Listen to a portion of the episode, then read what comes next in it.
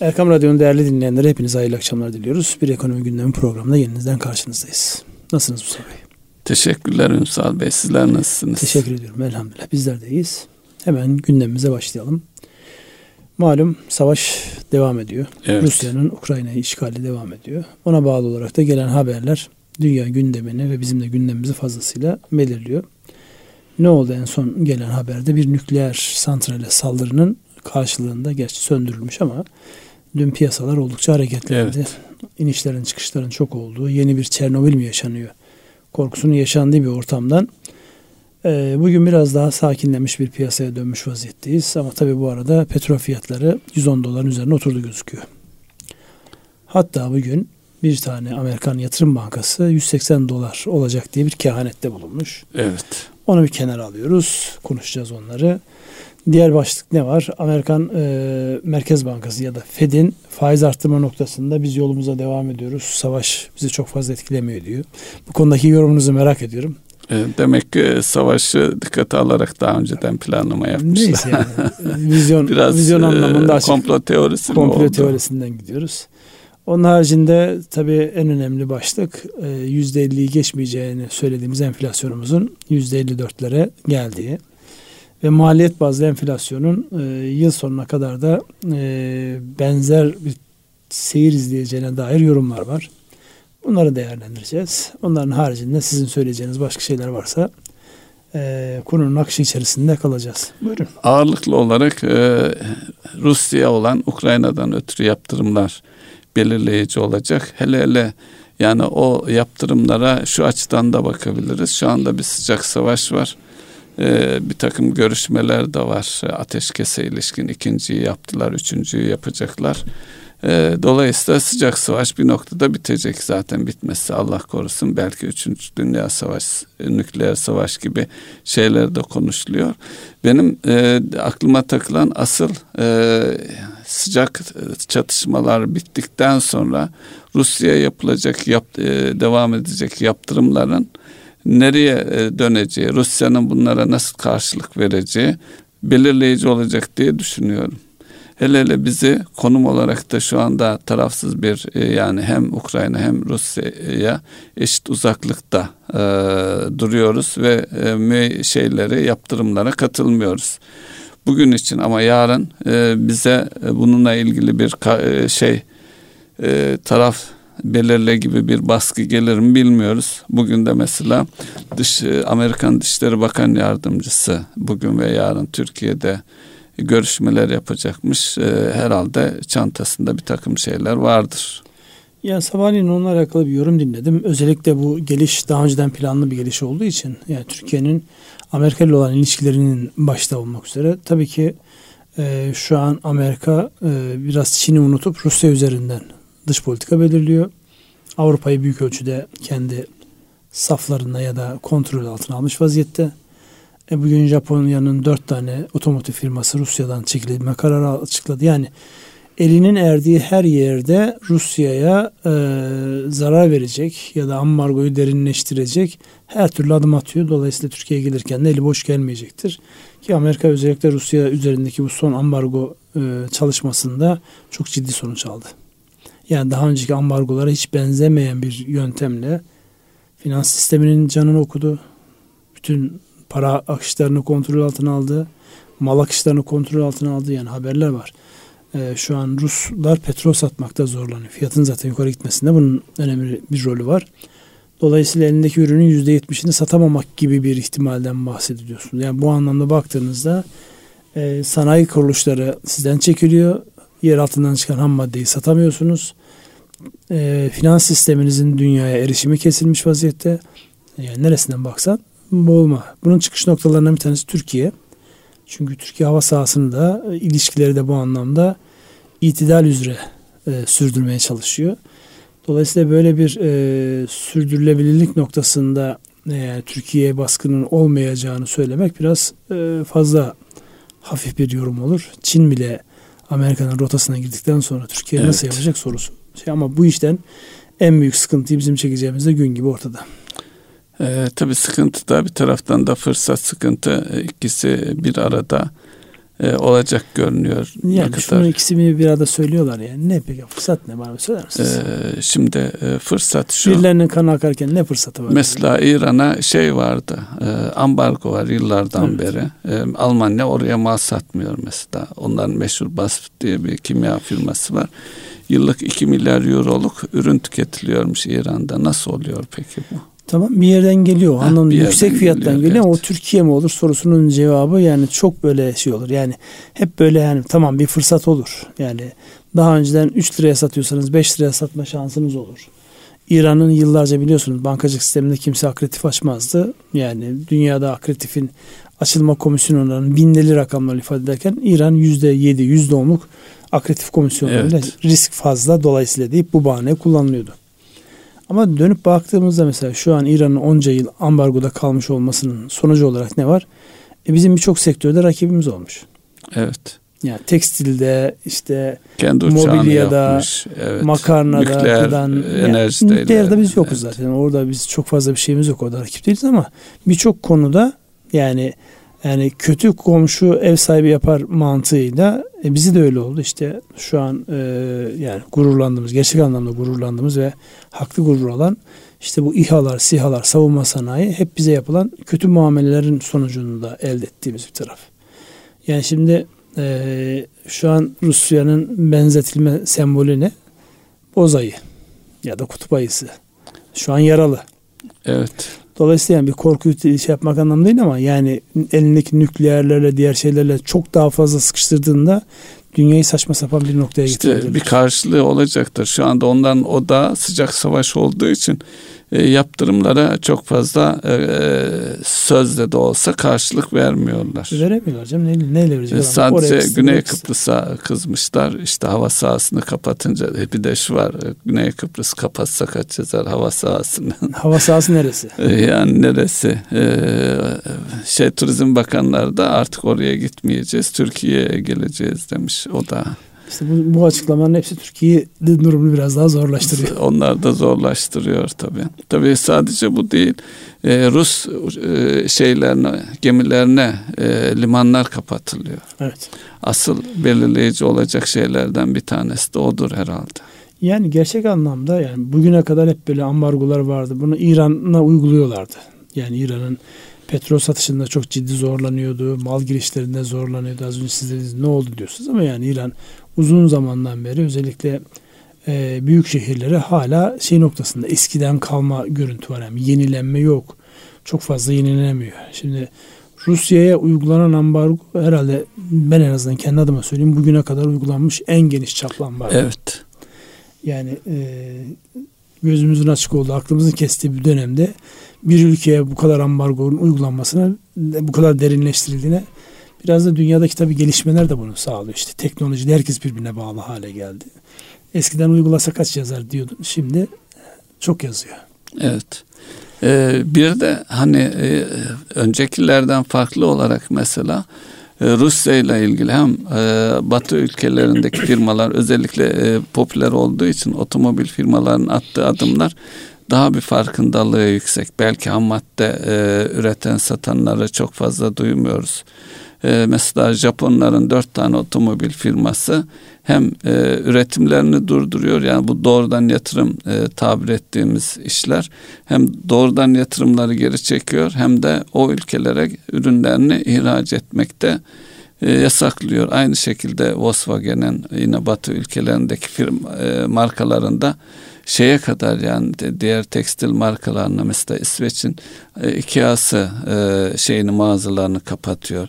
Yani bu firmalar da e, belli bir maliyeti e, göze alarak yani zarar ederek bu ülkeden çekilecekler büyük bir ihtimalle. Bu zararı göze almaları da enteresan yani küresel ticareti düşünürsek, küresel üretimi düşünürsek bunların mutlaka sadece Rusya değil Rusya 10 e, e, etkisi varsa bu ülkelere de bu firmalara da e, belli ölçüde zararı olacaktır. İşte burada genel anlamda ana stratejiyi belirleyen yani şu an Amerika dünyanın jandarmalarına soymuş vaziyette. Dolayısıyla almış olduğu kararların karşısında durmuş olmak o firmalar açısından daha farklı sonuçlar doğurur endişesiyle Öyle kararlar alınıyor. Yani dolayısıyla e, menfaat dünyası biraz böyle sokak ağzıyla konuşalım. Menfaat dünyası yarın döner. Tekrar bu firmalar orada fabrikalarını açarlar. Ama Rusya bunu unutur mu? Ki yani Rusya bu anlamda yani hafızası bildiğim kadarıyla e, daha kuvvetli bir ülke. Onu bekleyip göreceğiz. Yani yıllarca onların yatırım yapsın diye kendi ülkesine çeken şeyin ülkenin bir ortamda ki burada yani artık yavaş yavaş Rusya'nın nasıl bir gaza geldiği, nasıl bir dolduruşa geldiği de gün gibi ortada yani İngilizlerle Amerikalılar resmen asıl dolduruşa oraya. gelen Ukrayna bence yani göz göre göre. Yani dolduruşa gelmen noktasında değil yani şimdi size Avrupa Birliği'ni alacağız demişsiniz, NATO'yu alacağız demişsiniz. Yani zaten adam e, Rusya'nın güdümünden çıkmaya çalışıyor. Yani dolduruşa mı geldi yoksa yarı yolda mı bırakıldı sorusunun cevabı ki Zelenski'nin öyle açıklamaları var. Yani dünya bizi yarı yolda bıraktı diye. Yani şu an hiç kimseden doğru dürüst destek gelmiyor. Bu anlamda şeyler var. Neyse iki haftadır biz politikaya fazla takılıyoruz zaruri olarak. Ama evet. nihayetinde baktığımızda e, dediğim gibi petrol geldi. 110 doların üzerine oturdu. Altın 1900'ün üzerinde gidiyor geliyor. İşte e, Amerika'nın elinde mi çok altın var? Rusya'nın elinde mi çok altın var? Bu piyasayı nasıl etkiler diye e, yazı turalar atılıyor. Ama nihayetinde dünyadaki özellikle kalıcı olan enflasyonda bu gerginlik biraz daha derin etkilere sebep oluyor. Ee, yani bu şeyi konuşmaya da devam edeceğiz yani neticede e, mesela geçen e, enflasyonu konuşacağız bunlar içerisinde e, gıdaya, taze sebze meyveye dayalı şeyler var. Orada da artışlar var ama bu Rusya hadisesi nedeniyle çok aşırı e, fiyatlara gelmiş olan domates örneğini verelim. 20 liranın üzerinde 27 lirayı gördüm ben marketlerde. Dolayısıyla orada biraz gevşeme olduğu söyleniyor. Ama bir taraftan da e, Rusya'ya olan e, sebze meyve ihracatı da devam ediyor. Ama orada da yüzde üçte bir noktası seviyesinde azalmalar olmuş. Tabi bu azalmalar neden kaynaklandı? Talepte mi yoksa arzda mı sıkıntı var? Ama daha çok arz tarafında herhalde tahminim e, daha sonra netleşecektir bu şeyler. Eee ihracat bedelinin tahsilatında belirsizlikler var diye düşünüyorum. Çünkü Swift'te ödeme sistemleri de onların ne şekilde çalışacağı şu anda belli değil. Şey Swift'ten çıkarılan bankalar var. Yani bizim e, ülkedeki ihraca şeye yönelik Rusya'ya yönelik ihracat ödemeleri hangi bankalar üzerinden yapılıyor idi? O bankalarda var mı? Yani birebir firma e, ölçeğinde düşünürsek bir firma e, hangi ülke Rusya yaptığı ihracat hangi kanallardan bedeli geliyordu. Şu anda o kafa karışıklığı nedeniyle bir sıkıntının yaşandığını düşünüyorum ama bu zaman içerisinde nereye doğru gider bakacağız göreceğiz. Yani şimdi henüz daha 10 gün oldu. Yani 10, 10 11. gün mü bugün? Bilmiyorum. Ee, 9. Gün, gün mü 10. gün? 10. gün evet. Bugün. Şimdi 10. günde baktığımızda e, yani maksat hasıl oldu mu özellikle ambargo açısından fazlasıyla oldu. Yani şu an e, Rusya yurt dışına para transferini büyük ölçüde kısıtlamış vaziyette. Hatta yani şu ana kadar mesela turizm iptalleri olmamakla beraber ama turizm bağlantılı para transferleri de dahil olmak üzere birçok para transferini şu an durdurmuş vaziyette ya da e, büyük ölçüde engellemiş vaziyette. 10 bin dolarla sınırlamış evet. e, para transferini. Şimdi burada çıkışı. mesela özellikle yine e, farklı sektörlerden bize tekstil ağırlıklı olmak üzere Rusya ile iş yapan firmaların paralarını nasıl alacaklarıyla alakalı e, çeşitli sorular geliyor. Bununla alakalı işte bugün yine e, medyaya yansıyan e, Rusya'da faaliyet gösteren Çin bankalarında hesap açma noktasında çok yoğun bir e, e, süreç var. Yani gerçi cevaplamamışlar. E, Reuters'ın sorularını cevaplamamış Çin bankaları ama yani en azından öyle bir açılım var. Yani yine Rusya ile ilişkilerini hala devam ettiren eski işte Sovyet Cumhuriyetlerinden olan Kazakistan gibi işte Türkmenistan gibi yani ne kadar orada liberaldir bilmiyoruz ama o tip ülkelerden e, hesapları hem Ruslar açısından hem e, o işler o ülkelere iş yapan e, firmalar açısından bazı açılımların olduğunu görüyoruz, duyuyoruz. Zaman zaman bize de soruluyor. Böyle bir yöntemle yapabilir miyiz diye. Dolayısıyla herkes bir e, çıkışın peşinde. E, ama ana çıkış şu olacaktır. Rusya ile Ukrayna arasında bir ateşkesin, önce ateşkesin ondan evet. sonra da e, nerede mutabık kalınacaksa o konuda mutabık kalınması yani çok kısa sürede geri dönüş olmaz ama e, en önemli gelişme olur. Onun haricindeki bütün gelişmeler can yakıcı olur. E, tabii bu da maliyetleri artıracak unsurlar. E tabi az önce dedim ya bu evet. nihayetinde dönecek. Zaten dünyanın başında bir maliyet bazlı bir enflasyon belası vardı. Bu da maliyetlerin artması, belli unsurların daha ön plana çıkması noktasında özellikle bu petrol fiyatlarının Rusya piyasaya mal veremediği için İran henüz daha nükleerle alakalı bir ilerleme kaydetmediği için oradan piyasaya tam dönemedi. OPEC ülkeleri ne yapıyor? Konular biraz şüpheli. Geldiği yer bizim de canımızı çok yakıyor. Her cuma akşamı e, benzin istasyonlarında kuyruk görmek çoktan beri unuttuğumuz bir şeydi. Yani haber çıkacağı geçen gün bir buçuk lira gibi bir artış olacak denildiğinde bütün benzin istasyonlarının önü kilitli. Evet öyleydi. Yine e, bir liranın üzerinde bir şey gelmiş. E, ben de öncesinde e, doldurmuştum. kârdayım diyorsun. E, mutlu olacak bir durum yok. Neticede 185 dolar öngörüsünü duyduktan sonra. 185'ten ziyade bir kerelik o evet. şeyden yararlanıyorsun. İkinci yani şu rakamlara baktığımızda e, Türk lirası bazında 20 lirayı geçecek gibi gözüküyor. Evet. E, benzin fiyatları. Yine Naulunlar'da e, daha önce olmayan e, bir e, savaş sigorta primi de devreye girmiş durumda. Özellikle Karadeniz'e çıkacak Karadeniz'deki gemilere ve diğer şeylere de başlamıştır. şeyle hatırlarsanız Irak ve İran Savaşı'nda da ciddi şeyler vardı, primler vardı. Bunlar da sanıyorum e, sigorta şirketlerinin de elini ovuşturduğu bir döneme giriyoruz. Yani el ovuşturma e, hasarlar oluştuğu zaman kim elini ovuşturacak? Zaten o matematik o hasarları karşılıyor Ünsal Bey. Diyorsun. Evet. İyi yani tamam. yeni bir iş olarak masada ki hemen harekete geçmiş durumdalar zaten. Yani yetişkin insanların öğrenmesine son derece uygun bir metodoloji. Bir problem varsa çözüm de gelir arkasında. Evet çözüm de gelir. Çözüm bazıları için fırsat olurken bazıları için de ekstradan maliyet demek. Yani e, bu ne anlama geliyor? Enflasyonun kalıcılığını arttıran bir unsur daha geldi. Evet Sigorta maalesef. Primi. Evet ki dönelim bizim yerli enflasyon meselemize. Ee, biraz konuşalım. Ee, bir ara vereceğiz malumunuz. Ee, ne diyorsunuz? Açıklanan tüketici enflasyonu 54,44 e, 50'nin üzerine geçeceğini bekliyorduk aylık 4.81'lik bir artış var. Tabi böyle giderse e, acaba önümüzdeki ay veya Mayıs'ta e, 60'ı görür müyüz diye düşünmek lazım. Ama bu benzin akaryakıt fiyatlarını dikkate alırsak o tarafa doğru gidiyoruz. Bu da e, beklenmeyen bir şey oldu ve geliyor neticede. Yıllık dikkat çeken rakamlara e, bakarsak Merkez e, ulaştırma. Bankası'nın açıklamasında alt e, kırılımlara geçti enflasyonun şeyi yani orada artık gıda başta olmak üzere diğer şeylere baktığımızda alt kırılımlara geçti ifadesini kullandı gerçi. Siz herhalde yorumlayacaksınız. Şimdi, Nedir buradaki şey? E, alt kırılım tarafından önce ulaştırma yıllık yüzde 75.75.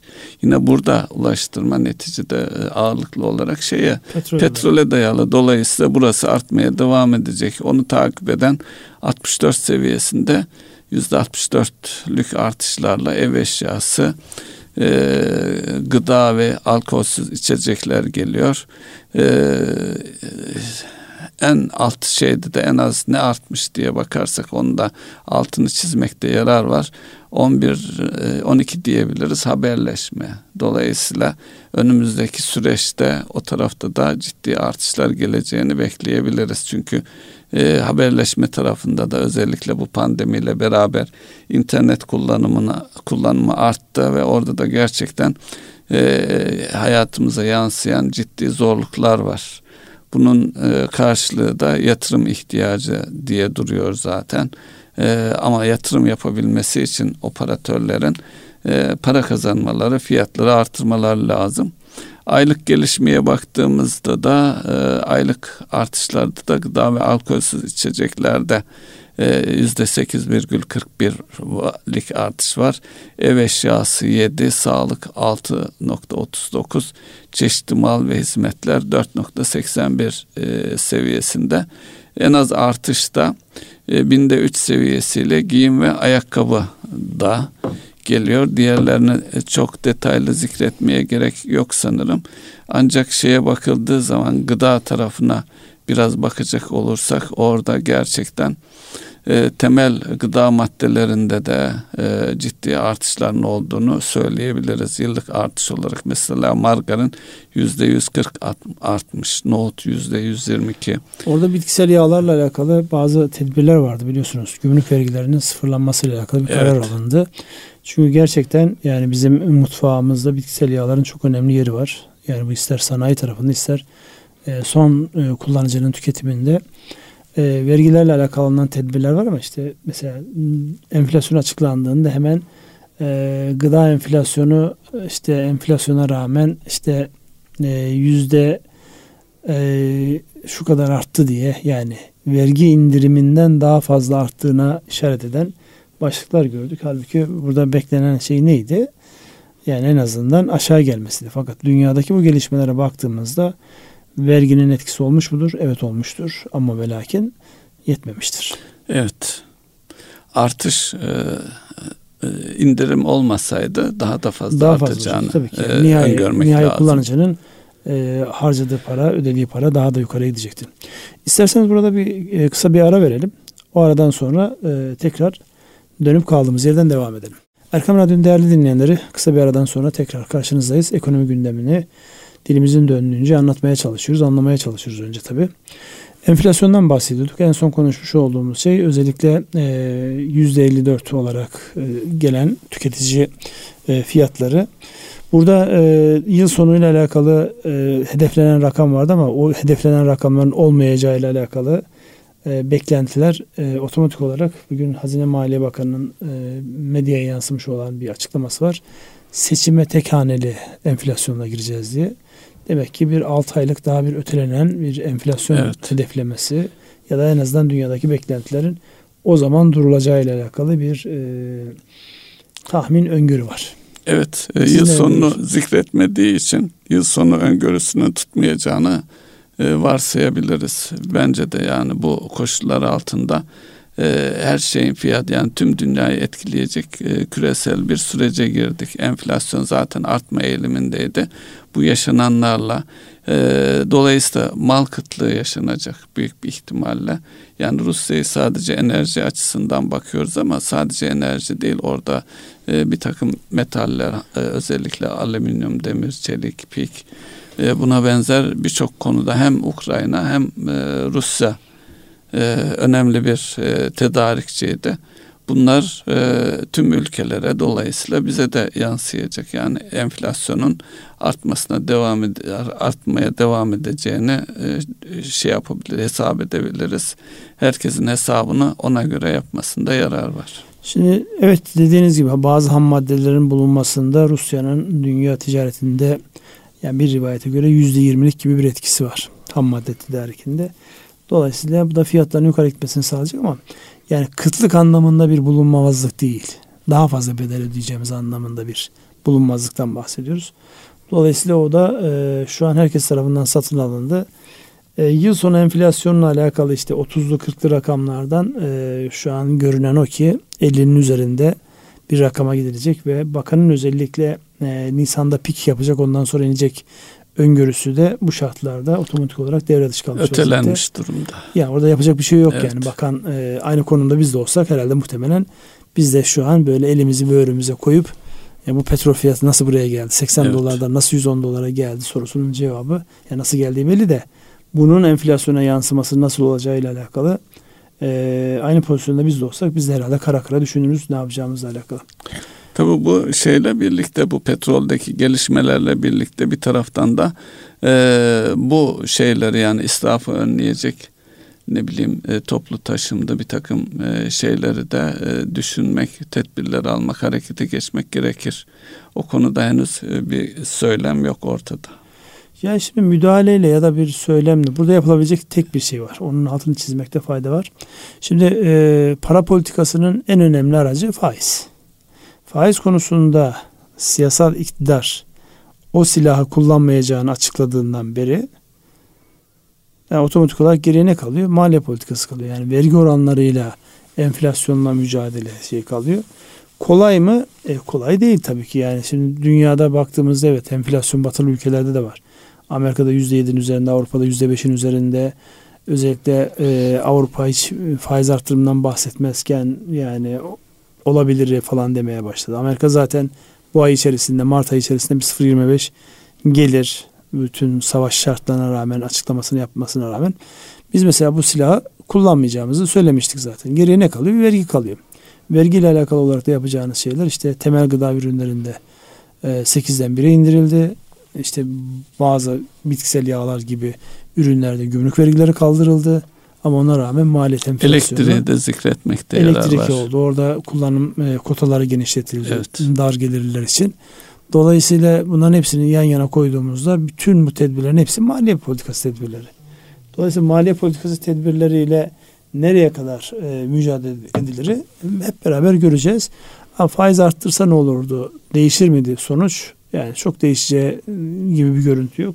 Ama en azından şu an e, bu e, 8-10 günlük e, Ukrayna meselesinden dolayı 14 baraj aşılmış olsa da kurlardaki şey yani en azından stabiliteye yakın bir şey devam ediyor. Kur hedeflemesinin ne kadar doğru olduğu ayrı bir tartışma konusu o yapılabilir. Vesaire vesaire. Yani konu çok uzar gider burada ama şu bir gerçek. Enflasyonu biz yaşamaya devam edeceğiz. Evet. Hatta konuşulan başlıklardan bir tanesi onu Cumhurbaşkanımız da söylemişti hatırlarsanız. Haziran Temmuz gibi e, ücretlere yeniden asgari ücretin yeniden arttırılması ile alakalı bir e, şey olabilir. Çünkü %50'lik artış geçtiğimiz zaman içerisinde eridi gitti. Evet. Dolayısıyla onu telafi edecek e, yeni açılımlar olur. Bunlar yeni bir maliyet olarak gelir. Enflasyonu yeniden e, yani bir sarmal var orada. O sarmalı nasıl aşacağımızı dünyadaki gelişmelerle beraber göreceğiz. Bu arada bakan değişti. Ee, bakan değişti. Ee, bakan onu da düşünmek lazım. Ee, emtia fiyatları özellikle buğdaydaki artışı e, Tarım Bakanı değişimi ve tarım politikalarımız birlikte değerlendirmek daha doğru olur herhalde. Son e, bir hafta Uluslararası içerisinde tarafı görmesek sadece içerideki şeyi görsek. yüzde yirmi artış oldu. Evet iç piyasada da e, bir takım riskler var. Onun risklerden bir tanesi de artan fiyatlar hele hele gübre fiyatları doğrudan e, dışarıya bağımlıyız ve e, dolardaki fiyat artışlarına bağlı olarak acaba şu endişe vardı acaba e, üreticiler yeterince şey gübre temin edip atacak mı? Dolayısıyla üretim miktarını doğrudan etkileyen bir unsur. Hepsi birbirine bağlı. Yani şimdi siz gübre, mazot dediğiniz zaman bunlar maliyet kalemleri. Hakeza mazot yine. Bunun e, döndüğünüzde çıktısında ne kadarlık bir gelir elde edecek ki insanlar bu maliyetlere katlansınlar. Bir şey daha bunun finansmanı. Yani mazotu veresi Mazotu almıyorsunuz. peşine almak zorunda yani. Gübreyi de peşin alıyorsunuz. Çünkü Evet. netice itibariyle gübre tedarikçileri de uluslararası piyasaya endeksli. Yani eğer bir vadeli varsa dahi onun üzerine ciddi bir maliyet bindiriyor. Zaten oradaki marjların ne olacağı yani aleyhe, çiftçi açısından aleyhe olacağı gün gibi ortadayken dolayısıyla bu değişim yani gıda fiyatlarında ya da buğday fiyatlarında neyi sağlar? Uluslararası konjonktüre ba- baktığınızda yani birebir etkileme şansı yok. Ama şu bir gerçek yani e, çoktan beri özellikle Gıda Tarım Bakanı ile alakalı şey vardı. Yani eleştirel bir yaklaşım vardı. Evet.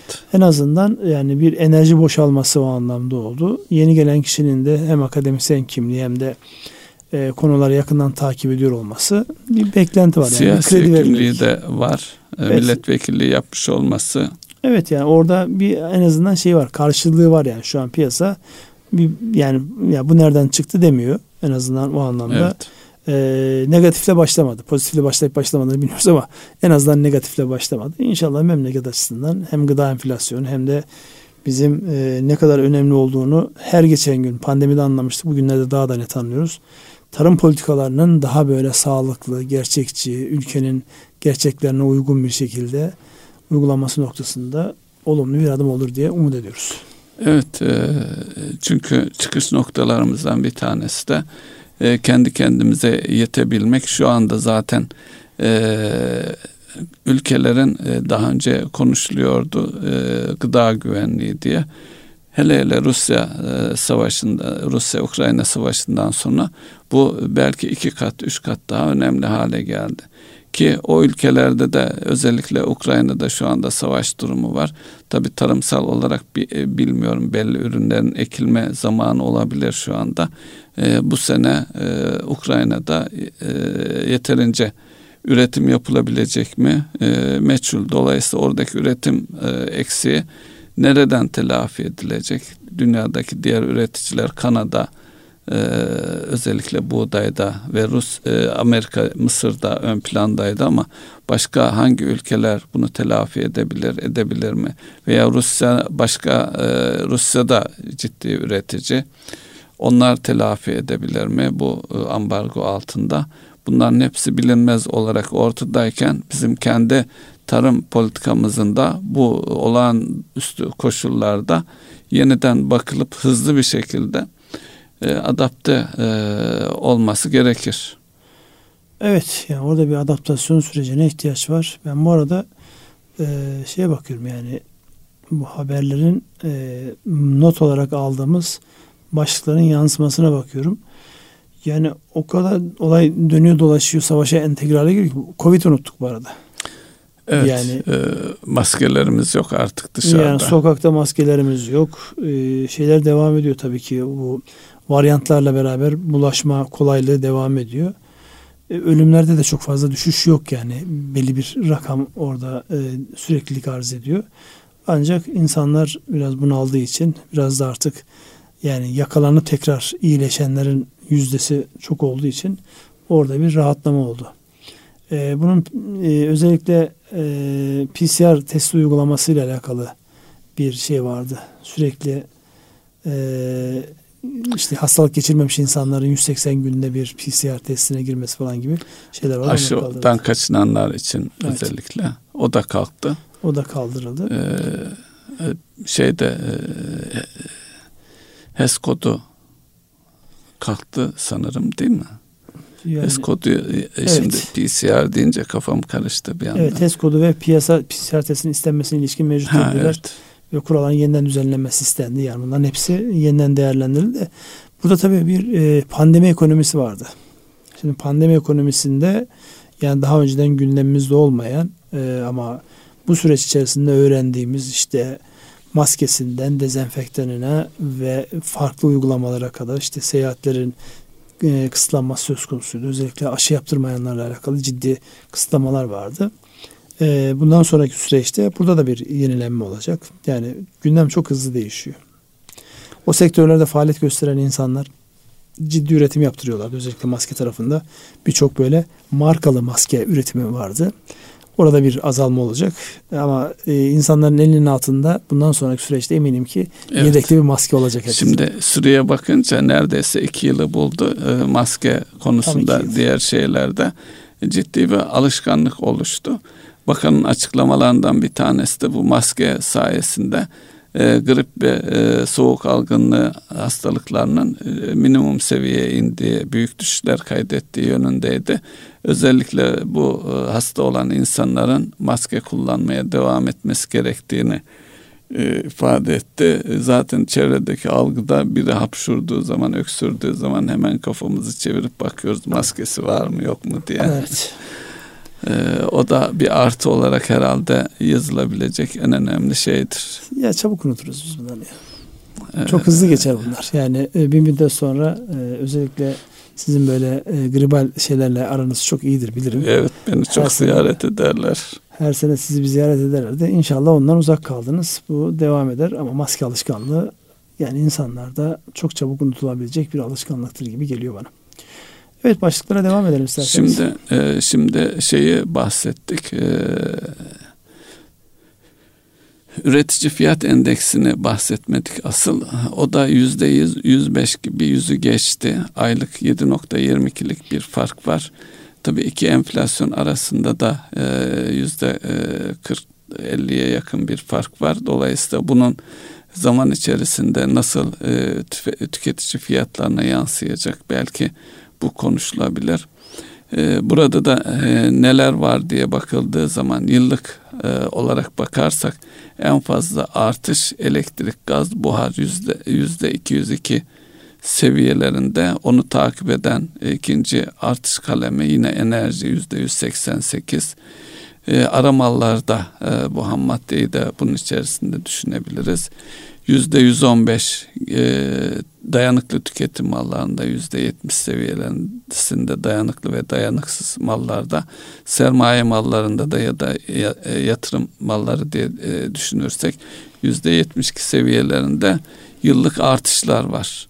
Aylık tarafa baktığımızda yine enerji ve elektrik gaz yüzde 24 ve yüzde 19 20 seviyelerinde artışa tekabül ediyor. E, hasılı bu e, rakamlar bize ne söylüyor?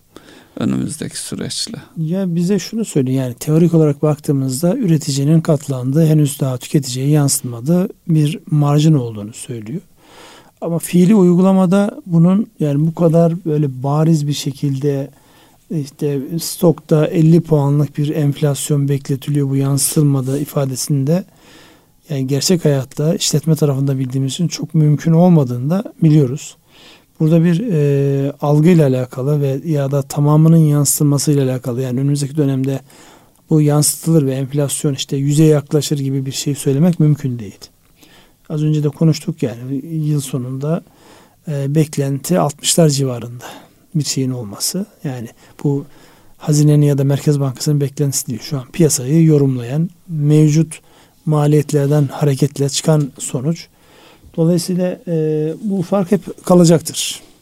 Ama uzun vadede şunu eğer doğruysa bu yani teori insanlar üretiyorlar, maliyete katlanıyorlar ve fiyatlara yansıtamıyorsa zaten işletmelerin şu an çoğusunun bayrak çekiyor olması icap ederdi.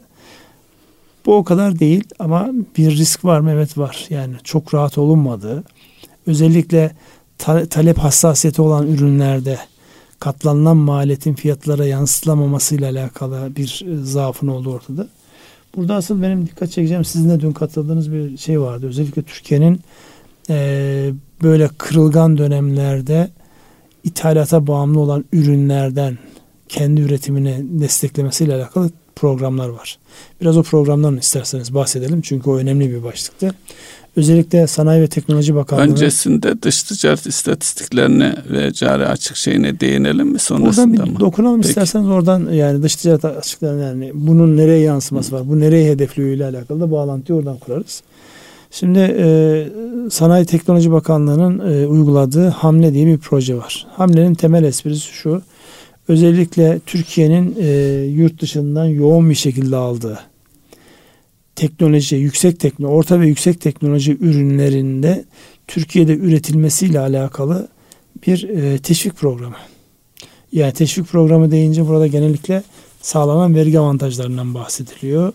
Ya da işte COSGAP gibi, TÜBİTAK gibi e, kaynaklardan hibe, uzun vadeli kredi, finansmanın desteklenmesi gibi e, başlıklardan bahsediliyor. Burada özellikle işletme sahiplerinin e, sağlanan teşvikleri ve devletin bu anlamda desteklediği alanlarda orta ve yüksek teknoloji ve ithal yoğun olan ürünlerin ikamesiyle alakalı alanlarda destek alabilmeleri için özellikle Hamle Gov.tr'yi yakından izliyor olmalarını biz biz de yani o toplantıdaydık fazlasıyla e, gerekliliğine ve bir ihtiyacı karşıladığına kanaat getirdik.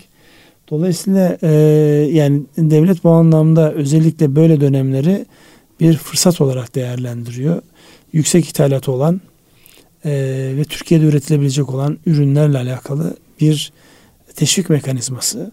Teşvik mekanizması gönül ister ki sponsorlu olsun. Yani aynı vakti zamanda pandemi dönemindeki e, yaşanan o ventilatörlerle alakalı evet. Sağlık Bakanlığı'nın işte 5000 tane ben alacağım diye bir alım garantili bir e, ürün olsun. Her zaman bu olmuyor biliyor ama buna yakın şeylerin de varlığını biliyoruz. E, bu konuda insanların daha bir teşvik sistemini yakından tanımaları, bu konulara destek veren ya da e, danışmanlık yapan insanlarla, uzmanlarla dirsek temasında olmalarını tavsiye ederiz diyorum ben. Siz ne dersiniz? E, ben e, orada dikkatimi çeken önemli unsurlardan bir tanesi e, teşvik sisteminin bir de çağrıya dayalı tarafı var. Çağrıya dayalı tarafı devletin ihtiyaç olarak gördüğü yine e, cari açıkla ilgili olabilir, stratejik bir takım konularla olabilir. Süreli olarak, olarak çağrıya dayalı olarak teşvikler açıyor. Bu da süresi var yani teşvik süresini aştığı zaman 3 ay diyebiliyor. Bu bir nevi bu süre içerisinde de o ürünleri üretmek için talip olanlar projelerini sunuyorlar ve onların içerisinden tercih, devlet tercih yaparak en uygun neyse ona teşvik veriyor.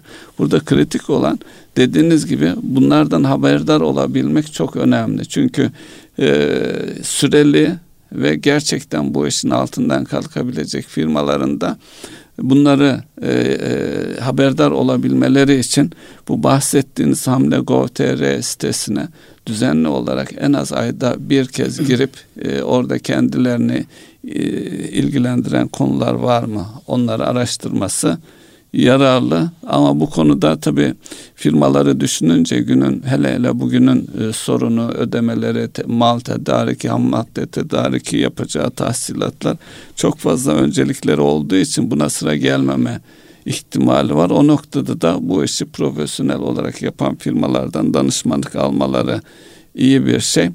Bir de benim dikkatimi çeken asıl onu vurgulamak isterim. Bakan yardımcısının ifade ettiği şeylerden bir tanesi eğer siz bir ürün e, üreteceksiniz bunun e, güm, getip e, yani gümrük tarife istatistik pozisyonu diye bir numarası var. Yani daha önce devletin tanımladığı ürünlerin hepsinin bir listesi var. Diyor ki şayet e, karşılığı yoksa varsa yeni bir, bir şey ürünse. yeni bir ürünse Gelen bize diyor. Bu çok önemli bizi bir şey. uyandırın. şey. Evet bizi uyandırın, bize söyleyin. Asıl gelişmede hele hele bu teknolojik gelişmelerde e, fırsatlar buralardan çıkıyor. Yani hiç kimsenin aklına gelmeyen bir ürün, bir hizmet veya bir e, teknolojik gelişme neyse ona sahip olan veya fikri olanın e, olanlar için de kapıların açık olduğunu ifade ediyor. Ben bu cümleyi ilk kez duydum yani bunca yıllık e, şeyde e, profesyonel hayatımda. Yani. O tabii önemli olan yer burası. Yani şimdi siz sadece e, 900 ürünü zannedersem küsurat olabilir. İthalatı fazla olan, stratejik önemi olan 900 tane ürün belirlenmiş. Yani bütün üreticilere diyor ki bu 900 ürüne bir bakın. Yani makrodan mikroya gelelim. Bunları eğer siz Türkiye'de üretebilecek durumdaysanız biz bunları teşvik edeceğiz diyor. Birinci fasıl bu. İkinci fasılda şu Baktınız bu 900 ürüne bunların içerisinde yok. Şu an dünyada da yok. Ama belli bir amaca hizmet eden bir ürün geliştirdiyseniz, bununla alakalı bir süreciniz varsa bunu da bizimle paylaşın. Oradaki ince nokta şu. Şimdi böyle bir şey yaptığınızda yani hatırlarsanız yan yanaydık ve şöyle bir e, konuşma geçti aramızda. Peki geliştirdiğiniz ürünün ülkeye faydalı olduğuna kim kanaat getirecek? Devlet memurları mı? İşte. Yani zihni olarak evet bu gerçekten ülkenin geleceğinde şöyle bir katkı sağlar diyebilecek zihin nerede? İşte orada bir açmaz var. Orada da bakan yardımcısı yani e, bu konularda özellikle sivil toplum kuruluşlarının ve benzeri yapıların, teknoloji bağlantılı yapıların bu konuda kendilerine destek olabileceği, bu işe danışmanlık yapan yani orada da yine aynı şey geliyor. Yani danışman geçmişte gördüklerine danışmanlık yapar. Hiç görmediği bir şey nasıl danışmanlık yapacak sorusunun cevabı. Orada böyle küçük bir soru işaretinin haricinde yaklaşım son derece pozitif. Ülkenin e, sanayileşmesinde özellikle stratejik önemi haiz alanlarda sanayileşmesinde çok ciddi katkı sağlayacağını ben de kanaat getirdim diyeyim. Evet. Bu arada e, dış ticaret e, tarafında bakacaksak e, Ocak ayında yüzde 17,2 artış var. İthalat ise ciddi bir artışla yüzde 54,2'lik bir artış var. Rakamlar e, ihracatımız e, 2021 Ocağında 15 milyar dolarken şu anda 17 milyar 587 milyon dolar olmuş. Yüzde 17'lik 17.2'lik bir artışa tekabül ediyor. İthalat tarafında ise 27 milyar 848 milyon dolarlık bir artış var. e, bir önceki yılın aynı ayına, ayına bakarsak 18 milyar dolarlık bir rakam görüyoruz. Yaklaşık e, 54 milyar e, dolar e, yüzde 54.2'lik bir artışa tekabül ediyor. E, dolayısıyla bu artış önemli bir artış. Artışın ana kaynakları da e, bakacak olursak özellikle ithalatta e, yine enerji belirli bir şey tutuyor. Altın hariç yüzde 63'lük bir ithalat var. Enerji hariç yüzde 23'lük artış e, rakamları var. İhracat gelişim hızı e, şeylere bakmaya çalışıyorum. E, özetlenmiş e, rakamlara bakmaya çalışıyorum bu arada. E, yani ithalat aramallar üzerinde bir artış var. Aramal dediğimiz ihracat yapmak için veya üretim için ihtiyaç duyduğumuz şeyler. Dolayısıyla e, yüzde sekiz nokta birlik bir e, cari açığa tekabül ediyor. 8.1 milyar dolarlık bir cari açığa. Yani cari dengemiz e, yılbaşından beri biraz daha bozulmuş durumda. Beklentimiz biliyorsunuz cari fazla vererek yani yeni e, ekonomi politikası cari fazla verme üzerineydi. Ama ilk iki ayda tabii e, özellikle enerji tarafı da e, dengeleri bozmuş durumda. E, bunu nasıl yorumlamamız gerekir Ünsal Bey? Şimdi bunu yorumlamak zor tabii. Yani dengeler o kadar hızlı değişiyor ki. Bir taraftan e, bizim hedefimiz yeni Türkiye ekonomi modelinde biliyorsunuz. Amaç cari fazla vererek e, enflasyonun da oradan dengelenmesi hadisesiydi. Yalnız gelişmeler e, çok o yönde işaretleri vermiyor. En azından e, şu hemen dibimizde ısınan e, sular diyeceğiz ya da karalar diyeceğiz. Oradakiler netleşinceye kadar burayla alakalı çok fazla yorum yapabileceği kanaatinde değilim. Ee, yani dış ticaretle alakalı biz bir müddet daha bunu izleyeceğiz. Sadece şunu ben e, rahatlıkla söyleyebilirim özellikle e, sanayi üretimi yapan firmaların çok yoğun bir şekilde ihracatı gündemlerine aldığı, özellikle bu e, kurların yukarı gitmesinden sonra en azından e, ürettikleri malın e, paçalığında satarken belli bir oranda yabancı para girdi sağlama noktasında daha bir bilinçli hale geldiklerini görüyoruz. Ama ve lakin olay dönüyor dolaşıyor. Kime satacaksınız? Yani en önemli hemen dibimizdeki en önemli iki pazarımız şu an yangın yeri. Yani bu tip yapıların alternatifini hemen bulmak, oraları geliştirmek icap eder. O da kolay mı? Ee, yani bazı şeylerin zamana yayılması gerekiyor. Malum biliyorsunuz buradaki piyasayla alakalı e, özellikle ürün ve piyasa bağlantısında Ansoff matrisi dediğimiz bir uygulamamız var. Yani mevcut ürünü eğer mevcut piyasada şey yapacaksanız, satacaksanız derinleşmeyi öneriyor. Şimdi derinleşeceğiniz bir piyasa yoksa yeni piyasa bulmak zorundasınız. Mevcut ürünü yeni piyasaya, yeni piyasalara girdiğinizde de orada daha önceden var olan e, hakim satıcılar kim, üreticiler kim, hele bilmediğiniz bir piyasaysa oradaki e, döngüler, algılar onları iyi işlememiz gerekiyor. Bizim burada asıl e, pazarımız Avrupa. Fakat Avrupa şu anda bu konularda çok böyle net büyüyen, büyüme alameti gösteren bir yapı vermiyor. Bilmiyorum sizin herhangi bir gözleminiz, herhangi bir okumanız var mı bu anlamda? Avrupa son derece e, yani Amerika'nın o kendi problemini çözmüş olması, İngiltere'nin Avrupa Birliği'nden çıktıktan sonraki bir atağı var. Onu işte faiz politikalarıyla falan da dengelediler. Büyük ölçüde dengelerini kurdular ama Avrupa'da bu anlamda çok fazla bir şey görünmüyor. Dolayısıyla bizim en önemli pazarımız olan Avrupa'nın da bu anlamda e, çok böyle ümit var olduğunu ben görmüyorum, okuyamıyorum herhangi bir yerden. Size var mı böyle bir okumanız? Şimdi e, Avrupa deyince sadece e, Almanya'ya bakmak yeterlidir. Almanya ekonomik olarak en büyük. Onların ne yapıp ne edeceği noktasında mesela son e, bu şey e, Kuzey Akım 2'den vazgeçtiklerini ifade ettiler. Bunun yanı sıra işte e, ifade mi ettiler yoksa geçirdiler mi yani? E, işte öyle dediler. E, neticede onu telafi edecek mesela e, LNG e, dönüşüm e, tesisleri kuracaklarmış. E, 100 milyar dolar seviyesinde askeri harcamalarını artırıyor. Bu arada mesela e, işte, e, bu savaşın tam yansımasını kestiremiyoruz.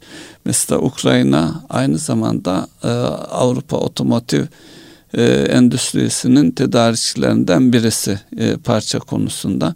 Dolayısıyla onun etkisinin ne olacağı bilinmiyor. Dolayısıyla buralardaki boşlukları farklı ülkelerden dolduracaklardır. O zaman da işte e, Balkan ülkeleri ve bizim e, devreye girmemiz söz konusu olabilir. Yani fırsat tarafları da buradan çıkabilir. E, ancak bu dönüşüm hele hele e, elektrikli otomotiv otomobiller ve sıfır karbon hedefleri vardı biliyorsunuz.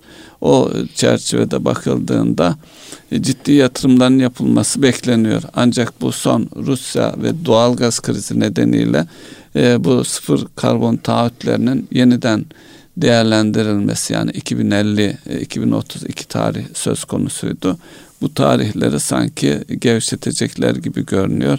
Ancak bir taraftan da 2050 işte köprüden önceki son çıkış e, ifadesi gibi eğer çözülmezse küresel olarak ciddi iklim krizinin artık geri dönülemez bir noktaya geleceğine yönelik işte yazıp çizenlerin, karar vericilerin öngörüleri vardı. Ne kadar doğrudur. Ya ee, gerçi biz görmeyiz ama Yani bizim görmememiz ayrı. Yani özellikle mesela bu e, evet sera gazlarının kontrolüyle alakalı çok ciddi kazanımlar olduğu ülkeler yani Çin ve Amerika dahil olmasa dahi en azından e, gök kubbemizdeki o e, ne derler yırtıkların tamir olduğu dikkat ee, edilen şey. Ozon tabakası. Ozon tabakasından bahsediyorum. Yani şimdi bu olay dönüyor dolaşıyor. Gelişmiş ekonomilerin değil de gelişmekte olan ekonomilerin başına bela oluyor. Yani Hindistan bir taraftan açıklamalar yapıyor. Ee, işte 2050 ile alakalı açıklamalar yapıyor. Onun öncesinde herhangi bir şey yapamayız. Şimdi burada bir herkesin kendisinin bir sanayileşip ve e, daha böyle tabiatı kirletmeyen, iklimle daha dengeli olan ilişkiye geçeceği bir takvimi var. Avrupa bu anlamda tuzayan kurulan, yani bütün üretimini çünkü dünyanın muhtelif yerlerine pas etmiş. Ama bir taraftan da bugün yine haberler vardı. Avrupa özellikle Rusya'ya olan enerji bağımlılığını azaltmakla alakalı alternatif araçlar içerisinde. Alternatif demek her zaman tabiattan olan şeyler değil. Yani güneşin, rüzgarın e, üreteceği belli. Buradaki alternatif en temel şey nükleer. Evet. Nükleer konusunda da zaten hem Almanya hem Fransa yani Fransa neredeyse yüzde yetmiş, Almanya neredeyse yüzde elli oranında nükleere bağlı zaten. Dolayısıyla bunları fazlasıyla kullanıyorlar. Yani nükleeri nereye koyacaklar? Nükleer bu anlamda e, riskli bir e, değer midir? Onunla alakalı hiçbir açıklama yok tabii ki. Dünya Enerji Ajansı onu e, sanki temiz enerji olarak zikrediyor. E, yani işte bu dün piyasalar niye yüreğe ağzına e, geldi? İşte onu belki konuşmamız lazım. Çernobil'i hatırlıyorsunuz. Çok. E, ciddi tüm ülkeler etkilenmişti. Biz de etkilenmiştik. Çay ve fındık özellikle. E, Trakya'da yıllarca karpuz yetişmedi ya e, yetişti de yenmedi yani neticede. Yetişmedi evet. küçücük böyle domates kadar karpuzların olduğu bir e, Trakya'dan Trakya'yı gördük yani. Bu e, Avrupa'nın en büyük e, nükleer enerji santraliymiş. Eğer burada bir şey olursa Allah korusun yani e, ne yaparız bilmiyorum. Yani bu bölgedeki ülkeler ne yapar? Rusya da hakeza. Yani konum itibariyle Kırım'ın hemen üzerinde yani uzaklığa bakıldığında Moskova'da etkilenecektir. Buradan biz de etkileneceğiz. Yani Tüm an, Avrupa etkilenecek. Şu an onunla alakalı bir hadise yok. Sadece Amerikan Dışişleri Bakanı'nın bir açıklaması var. NATO e, zirvesinde konuşmuş demiş ki NATO topraklarının bir karışına bile saldırı olursa biz gereken cevabı veririz falan diye. Şimdi yani ya nereden çıktı şimdi NATO topraklarına? E, siz adam o kadar sıkıştırırsanız ve e, 3. Dünya Savaşı olabilir derseniz o da depolardaki bütün nükleer başlıkları getirip e, füzelerin başına yerleştirirse otomatik olarak oraya çağırıyorsunuz demektir. Yani Allah uzak etsin hem nükleerinden hem savaşından diyelim. Burada Amin. Benim notlarımda bir şey var ona da değinelim ondan sonra kapatalım. Sizin ihtisas alanınız ödeme sistemleri ve özelinde kartlı ödemelerle alakalı. Ocak ayında %76 artış vardı. Şubat ayında da aynı hızla devam ediyor kartla yapılan harcamalarda inanılmaz artış. Rekor üzerine rekor kırılıyor. Yani insanlar kredi kartlarıyla dönüyorlar. Ne diyor bu size? Bu şunu söylüyor bir kere e, fiyat enflasyonun bir etkisi var. ücretler yetmediği zaman kredi kartları devreye girer. Hatırlarsanız 2000 krizinin e, etkileri de aynı şey olmuştu. O zaman insanlar, işini kaybeden insanlar maaş yetmiyorsa yapacağınız en kolay şey kredi kartlarına taksit den başlayarak artırma yönündedir. E, tabii bu enflasyon açısından baktığımız zaman bir handikap olarak duruyor. Eğer kredi kartları nereye e, daha çok evrildi? Market harcamaları mı yoksa lüks tüketim mi veya e, ithalata dayalı bireysel e, tüketimlere mi gitti onlara bakmak lazım. Şu da var son dönemde mesela e, kredi kartı e, harcama kalemlerinden önemli bir bölümü e, rakamı da e, vergiler oluşturuldu. Daha önce tüm bankalar vergi tahsilatı yaparken e, sadece kamu bankaları yetkili kılındı. Dolayısıyla diğer e, bankalar e, özel bankalar alternatif olarak oradaki paylarını muhafaza etme adına kredi kartını e, ön plana çıkardılar. Yani vergi ödeyeceksiniz kamu bankasından öderseniz ya hesabınızdan ödeyeceksiniz ya da o bankanın kredi kartını ödeseni kullansanız e, taksit yok ama özel bankalar neredeyse e, çoğunluğu e, vergi ödüyorsanız size taksit yapıyorlar e, harcama kalemleri içerisinde bu da var. Yani detayında ince ince işçilikle bakmak gerekiyor. Yani e, neler tabii, yapıldı e, diye. Burada yayınlanan Merkez Bankası'nın yayınlamış olduğu şeyde mesela vergiyle alakalı bir başlık yok ama en önemli kalem market. Evet. Yani e, toplamda 46.4 milyar TL'lik e, artış olmuş, şey e, harcama olmuş. Bunun e, 8.9'u daha önceden 8.2'ymiş. 8.9'u marketten geliyor. Ee, en büyük kalem o. Ondan sonra da e, enteresandır e, yeme içme, çeşitli gıdalar ve giyim ön plana çıkıyor ve yakıt. Yakıt, akaryakıt yani evet herkes kredi şeyi. kartıyla alıyor. Ee, buradan baktığımızda e, konaklama dip yapmış çünkü turizm sezonunda değiliz. Evet yani en önemli başlıklar bunlar. Dolayısıyla ama dediğiniz doğru. Yani kamu bankasında hesabınız yoksa ya da orayla çalışmıyorsanız vergiyi kredi kartıyla ödüyorsunuz. Bankalarda bu anlamda bir boşluğu, yani boşluk değil daha, daha önceden de var olan bir şey. Zorunluluk müşterisini muhafaza etme adına kamu bankasına e, müşterisi gitsin hesap açsın istemez bir özel banka. Her banka müşterisini tutma derdinde. Dolayısıyla e, bir yasak bir şey koyduğunuz zaman onu e, dolanacak çözümlerde peşi sıra gelir. Evet şimdi süremiz doldu diye bir işaret geliyor. Atladığımız bir başlık var mı? mutlaka vardır ama zamanımız sınırlı.